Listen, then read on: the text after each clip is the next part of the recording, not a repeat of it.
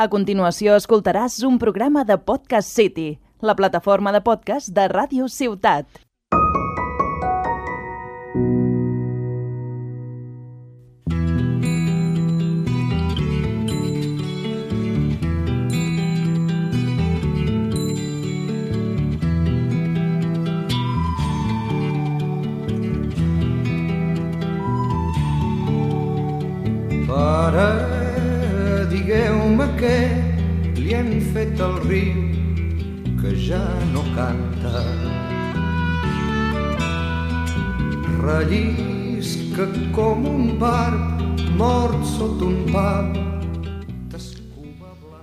Hola a tothom i benvinguts a la novena entrega de Tarragona Sostenible, podcast de Ràdio Ciutat de Tarragona que realitza en el marc de les activitats dutes a terme des de la Càtedra DAU URB de Desenvolupament Sostenible. El nostre objectiu és abordar aquells temes relacionats amb el medi ambient i el nostre model de desenvolupament. Com de sostenible o poc sostenible és el nostre model de desenvolupament. En les vuit anteriors edi- edicions, els vuit anteriors programes, han parlat de la mà d'experts, de la transició energètica, de la percepció del risc petroquímic al Camp de Tarragona, de la mobilitat de turistes i residents en el marc de la Covid-19, dels serveis climàtics dirigits al turisme de sol i platja i a la pràctica del surf, dels connectors ecològics, d'un ensenyament de la URB molt vinculat a les qüestions ambientals com és el grau en Geografia, Anàlisi Territorial i Sostenibilitat, també hem parlat de població, de la seva dinàmica i estructura, així com les seves implicacions socials, econòmiques i ambientals. I en el darrer programa vam parlar dels riscos naturals. Podeu recuperar tots aquests programes a la web de Ràdio Ciutat de Tarragona. I de què parlarem avui? Doncs avui parlarem del paisatge periurbà de Tarragona, concretament del seu ús públic i de la percepció que en tenen els seus usuaris. I amb qui parlarem? Doncs avui qui ens visita és l'Aitor Ávila, investigador predoctoral del Departament de Geografia de la URB. Molt bones, Aitor, i gràcies per acceptar la nostra invitació i estar aquí amb, avui amb nosaltres. Bona tarda, Òscar. Moltes gràcies a vosaltres per invitar-me i bueno, segur que serà un plaer participar avui en, en aquest post podcast. Molt bé, doncs endavant. L'Aitor, eh, per donar una mica d'informació sobre, sobre el seu currículum, forma part del grup de recerca d'anàlisi territorial i estudis turístics de la URB i la seva investigació s'emmarca dins un projecte que porta per títol El paisatge como valor colectivo, anàlisis de su significado, usos i percepció social. Aquest projecte està coordinat per la doctora Yolanda Pérez, amb qui, si recordeu, vam parlar a inicis d'aquest any sobre la percepció del risc petroquímic al Cap de Tarragona. El projecte està finançat pel Ministeri de Ciència i Investigació. A veure, Aitor, comencem. Paisatge periurbà de Tarragona. Lo de Tarragona està clar i entenc que es fa, fa referència concretament al municipi de Tarragona. Però paisatge, què és el paisatge? I, i què hem d'entendre per paisatge periurbà? Bueno, primer, en primer lloc, el paisatge, com molt sabreu, és el resultat d'una transformació col·lectiva de la natura i també és la projecció cultural d'una societat en un espai determinat. No només pel que fa a la seva dimensió material, sinó també a la seva dimensió espiritual i simbòlica. Per tant, el, el geògraf, d'alguna manera, veu en el paisatge el seu objecte de treball i, i inclou en ell no només els aspectes estètics, sinó tots els elements que, que, que hi apareixen, siguin d'origen natural o, o antròpic. A més, eh, tot paisatge està compost per elements que s'articulen entre si i és interioritzat depenent de, de qui l'observi, per la qual cosa bueno, sempre té una, una forta component de, de percepció. En segon lloc, pel que fa a, als espais periurbans, mm, realment no hi ha una definició acceptada de, del que s'entén com, a, com a espai periurbà. I tampoc de, de quan deixa de ser-ho per convertir-se en, en un espai urbà. Un sinònim popularment reconegut que, que podria remarcar és, és el de perifèria urbana.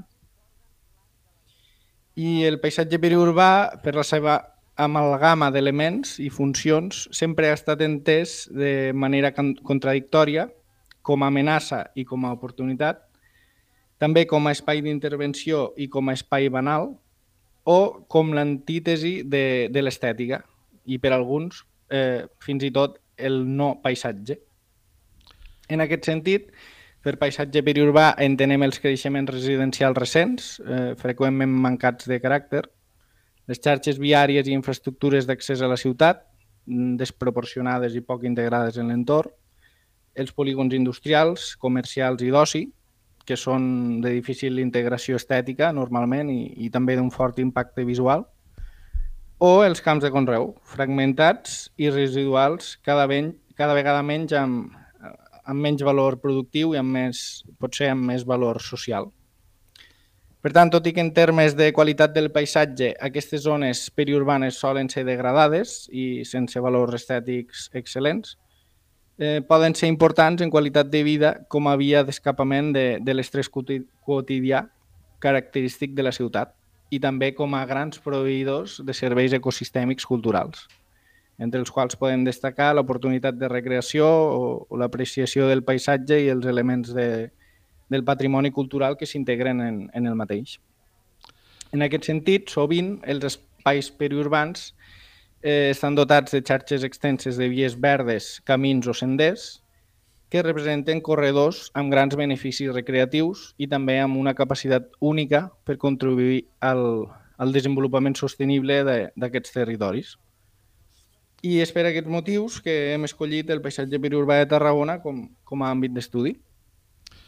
Bé, queda clar que el tema és complex perquè el paisatge, com, com molt bé comentaves, incorpora una part objectiva no? d'elements del medi natural, però també una part de subjectiva de percepció i, i en el teu cas l'estudi encara agafa més complexitat per la dificultat de precisar no? de quin, què són els espais per urbà i, i quines són les seves característiques. Però bé, crec que l'explicació que has donat és prou precisa i ara que tenim clars els conceptes, el que m'agradaria que ens expliquessis és concretament quin és l'objectiu d'aquest estudi de, sobre els paisatges periurbans de Tarragona. Bueno, l'objectiu principal eh, és analitzar l'ús públic i també la percepció del paisatge periurbà del nucli de Tarragona. I això a partir d'informació geogràfica voluntària. Breument m'agradaria contextualitzar que la informació geogràfica voluntària es correspon a les dades geoespacials que les persones generen i comparteixen de forma voluntària, normalment a través d'algun sistema de cartografia disponible a internet.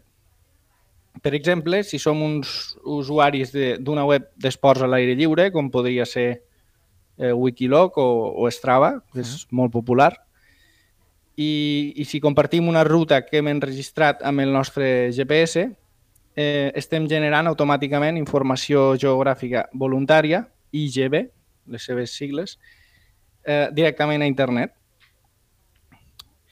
Mm, I bueno, per assolir aquest objectiu principal eh, també hem plantejat una sèrie d'objectius específics, concretament quatre.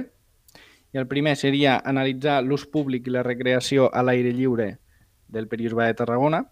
El segon, identificar i tipificar eh, l'ús eh, de, dels serveis ecosistèmics culturals, també del periurbà.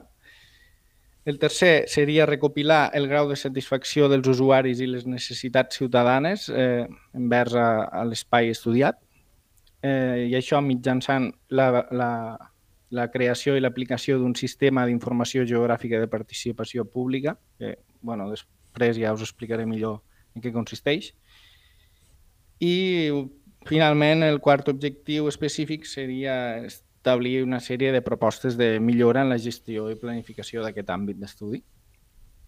Bé, doncs abans de parlar d'aquests mètodes i les dades amb més, eh, més detall, sí. el que, el que te, te voldria que m'expliquessis o que mos expliquessis és eh, quan parles del paisatge periurbà de Tarragona, perquè abans has fet la definició, de la definició general d'espais periurbans, però quan parlem de Tarragona, aquest espai periurbà, aquest paisatge periurbà, mm, de quines zones concretes... Ja, ja ens podem fer una idea a partir del que has explicat, eh? però, però sí. parla de quines són aquestes zones, aquests espais periurbans del qual voleu analitzar la percepció del paisatge. Sí, Eh, realment va ser una mica complicat, sobretot al principi de, de la investigació, de limitar una mica eh, que, que agafaríem com a periurbà i que no. Acostuma a passar això, I... quan se fa una investigació, de sí. limitar l'espai. Sí, sí, sí, I, i sobretot de, després d'observar que a la mateixa bibliografia, la literatura, eh, no es posaven d'acord amb la definició de periurbà, eh, el que vam pensar en primer lloc és a, analitzar el catàleg de paisatge del Camp de Tarragona, Bé. segurament alguns el coneixeran, realitzat per, per l'Observatori de Paisatge de Catalunya. Sí, vam I allí tindre... sí que vam... En un dels podcasts vam, vam tindre el professor Sergi Saladier, eh, que va parlar de transició energètica, però que bueno, és un dels coordinadors del catàleg sí. de paisatge al Camp de Tarragona i el de les Terres de l'Ebre. Sí, sí. Sí, sí, el vaig escoltar, el vaig escoltar, Molt sí. Molt interessant, també. Bueno, i eh, a partir d'aquí vam, vam poder identificar algunes zones cartografiades al mateix, al mateix catàleg, eh, d'uns espais intersticials o, o periurbans, sobretot entre els nuclis, de, els nuclis urbans de Tarragona i Reus. Tot i amb això, vam concloure que si agafàvem només aquest, aquestes petites àrees cartografiades, que es consideraven periurbanes pel, des del punt de vista del catàleg, eh, es quedava l'àmbit d'estudi massa limitat i també vam pensar de considerar com a àmbit d'estudi el municipi de Tarragona, excloent de l'anàlisi tot el que es consideraria o el que es considera sol urbà, definit pel, pel mapa urbanístic de Catalunya. Però també ens vam adonar que necessitàvem abarcar el concepte de paisatge periurbà d'una manera més àmplia i fins i tot integral, i finalment vam establir eh, el periurbà de Tarragona tenint en compte els límits municipals d'aquest municipi, de, del de Tarragona, a més de tots els seus limítrofs. És a dir, la seva àrea d'influència més propera i sense excloure cap tipus d'ús del sol.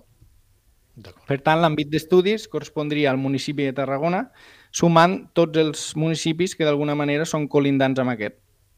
Tarragona, Reus, Vilaseca, els Pallaresos, Catllà, la Riera de Gaià, eh, Altafulla i Constantí. I per tant vam tirar per aquí, per agafar els límits municipals, no només de Tarragona, sinó dels seus veïns, municipis veïns. Molt bé, l'àrea d'estudi està clara, els, els objectius també, doncs eh, parlem-nos una mica més, que ja ens hem avançat, però parlem-nos una mica més de les metodologies i les dades, com, obti o com obteniu les dades a, a, a través de les quals heu d'assolir, no? heu de doncs, realitzar els objectius plantejats. Sí, bueno, en en la meva tesi el que fem és utilitzar principalment dues fonts d'informació que es trobarien les dues dintre de la categoria d'IGB, el que abans comentava d'informació geogràfica voluntària. Una d'aquestes fonts és passiva i l'altra es considera activa. En la passiva, l'usuari de la plataforma web comparteix les seves dades georreferenciades sense saber que seran utilitzades per a la investigació geogràfica. En canvi, en l'activa, eh, l'usuari sí que sap perfectament amb quin propòsit comparteix les seves dades geogràfiques i també és ell qui decideix col col·laborar activament en, en la generació de, de dades per a la investigació. Per tant, la font passiva que utilitzem és Wikilog, un- com he dit abans, una plataforma web de recreació esportiva a l'aire lliure, on els seus usuaris poden compartir les rutes que, que han fet, que han enregistrat amb, amb smartphones o amb GPS, i a més, no solament poden compartir rutes o tracks, també es, sol anomenar tracks, sinó que també poden adjuntar imatges geolocalitzades, o sigui, amb unes coordenades, que ells mateixos han realitzat durant la pròpia ruta. Per tant, el que fem és descarregar tots els tracks i fotografies de Wikilog fetes a l'àmbit d'estudi. Eh, En primer lloc, els tracks s'utilitzen principalment per analitzar l'ús públic de l'àmbit d'estudi i, en canvi, les imatges, a partir de l'anàlisi de, del seu contingut, eh, s'utilitzen per investigar la percepció del paisatge i, i dels seus serveis ecosistèmics culturals, sempre referint-nos al, al periurbà de Tarragona. Vale, pel que fa a la font activa, font de IGB, recordo que és Informació Geogràfica Voluntària, l'activa es correspon a un sistema d'informació geogràfica de participació pública. Eh, en les seves sigles es, podria anomenar SIGPP. Això vindria a ser una enquesta que generem online i en la qual apareixen principalment preguntes de tipus espacial. És a dir, on l'enquestat pot geolocalitzar, pot ubicar a través de, de mapes interactius, normalment amb, amb, amb l'interfície de, de Google Maps, eh, pot ubicar diferents ítems o, o indicadors.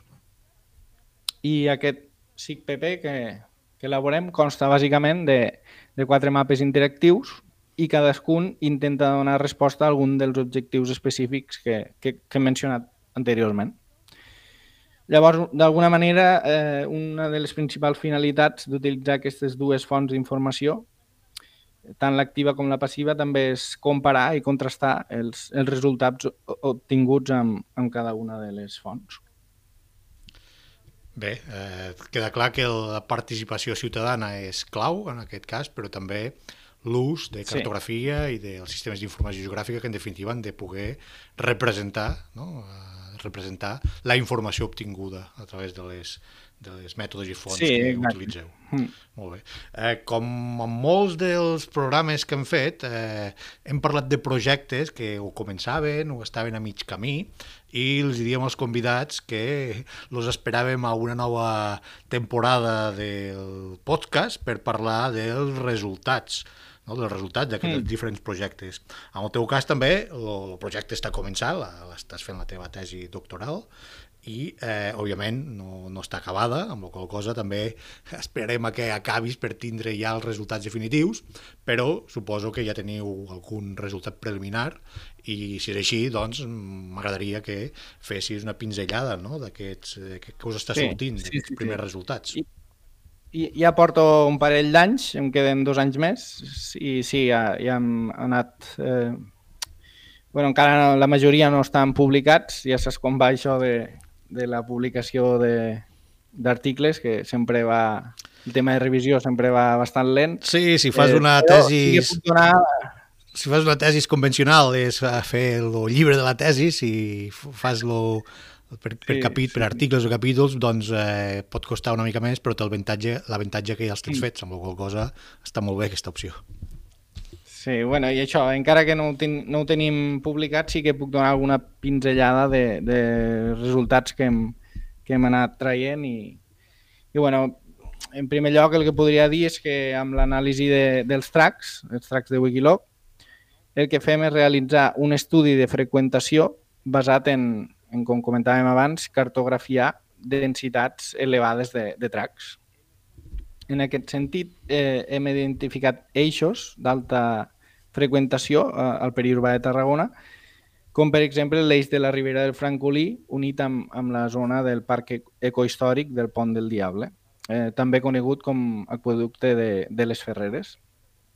Per tant, és, eh, amb els tracks es tracta una mica d'això, de un estudi de, de freqüentació i analitzar les altes freqüentacions de, de cada zona del periurbà a través dels tracks.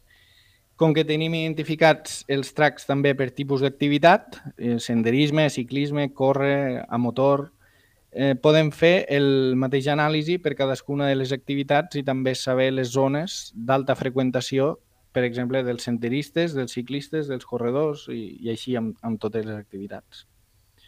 Podríem dir les zones d'especialització de, cada, de cada grup d'usuaris.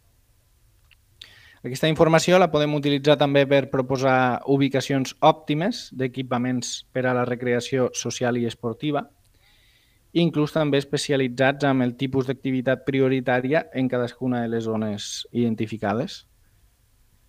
Molt bé. Mm, enten... bueno, sí, eh, també al mateix temps podem determinar la, la conflictivitat potencial entre diferents usuaris en senders o camins de, del periurbà, del periurbà de Tarragona, entenent que, que una intensitat d'ús elevada per part de, per exemple, senderistes i ciclistes, al mateix temps, eh, una intensitat al mateix temps, eh, sumat a una amplada de via inferior als dos metres, eh, pot originar una conflictivitat potencial alta entre aquests usuaris.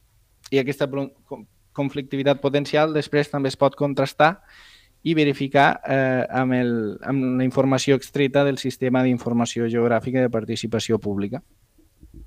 Per una altra banda, eh, amb l'anàlisi i el contingut de les imatges georreferenciades de Wikilog, és determinar no només on hi ha més concentració espacial d'imatges, sinó que també podem definir a quin tipus de, de servei ecosistèmic cultural corresponen ja sigui referent amb la recreació, amb l'apreciació o estètica del paisatge, amb el patrimoni cultural i, i identitari, Eh, per exemple, hem identificat unes altes concentracions de fotografies d'elements de, de, exclusivament del paisatge natural per algun eix costaner característic del, del Piriurbà de Tarragona.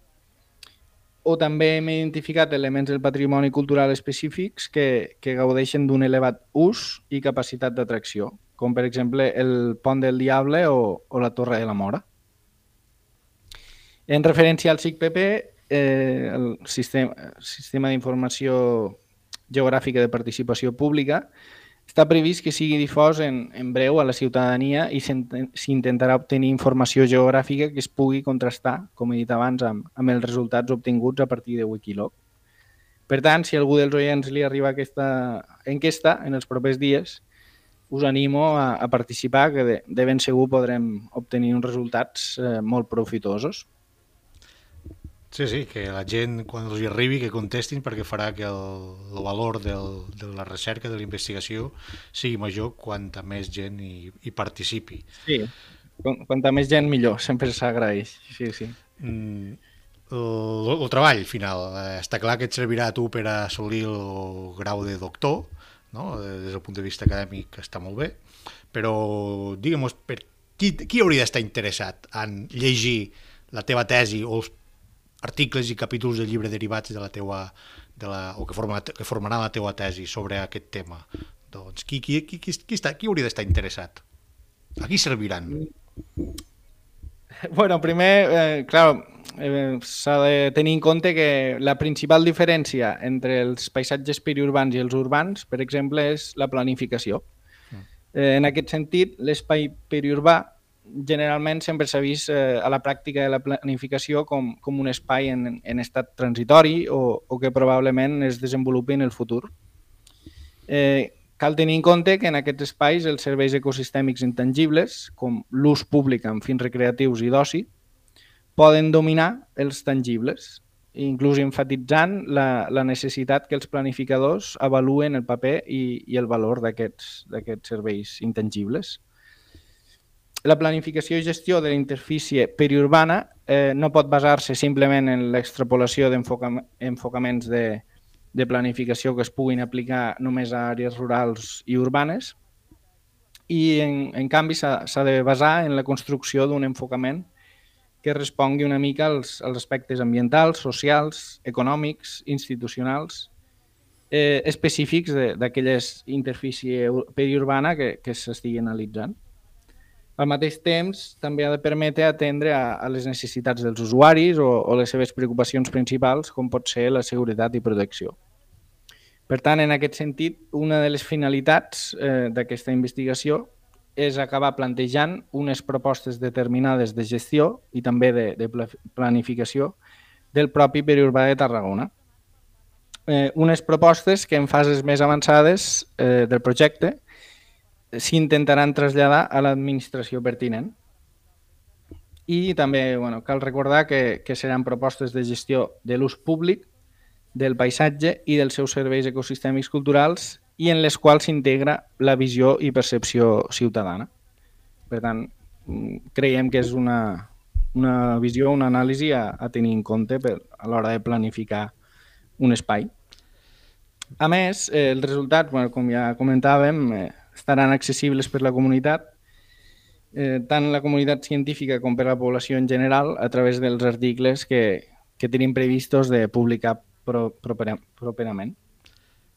Molt bé, doncs eh, esperem que aquest podcast arribi a, la, a les autoritats pertinents, a l'administració amb competències sobre aquests aspectes de planificació, no? els aspectes territorials, i que doncs, sí. eh, quan el projecte arribi a la seva finalització, ne puguin mm. fer ús per tal de, en definitiva, doncs, millorar la qualitat de vida de la població del territori de referència, Tarragona i els municipis veïns, mm. i, en definitiva, també contribuir a que el nostre model de desenvolupament, entenent desenvolupament com a millora de qualitat de vida, doncs eh, augmenti. Bé, Aitor, molt interessant tot plegat, lo, lo, la recerca és molt interessant i com te dia veurem, vull dir, voldrem que mos tornis a parlar ja amb els resultats més, més evolucionats eh, en una nova temporada i que aquesta recerca és una mostra més de la varietat i de la, del, del, del, de l'interès no? que des del Departament de Geografia es fa amb aquestes qüestions vinculades al medi ambient i la sostenibilitat. Ho hem de deixar aquí i doncs agraint-te una vegada més, Aitor, que hagis eh, acceptat participar avui amb nosaltres d'aquest eh, nou podcast de Tarragona Sostenible. Molt bé, moltes gràcies, Òscar. Ha sigut un plaer i, i sí, ja... Ja vindrà, una altra vegada. Sincerament, per, a, per als resultats i us explico una mica més de eh, com ha evolucionat el projecte i, Molt i bé. tot això. Doncs eh, acomiadem el programa, això és tot per avui i us esperem a una nova entrega de Tarragona Sostenible, podcast de Ràdio Ciutat de Tarragona. Adéu a tothom! Ens caldrà cremar la barca.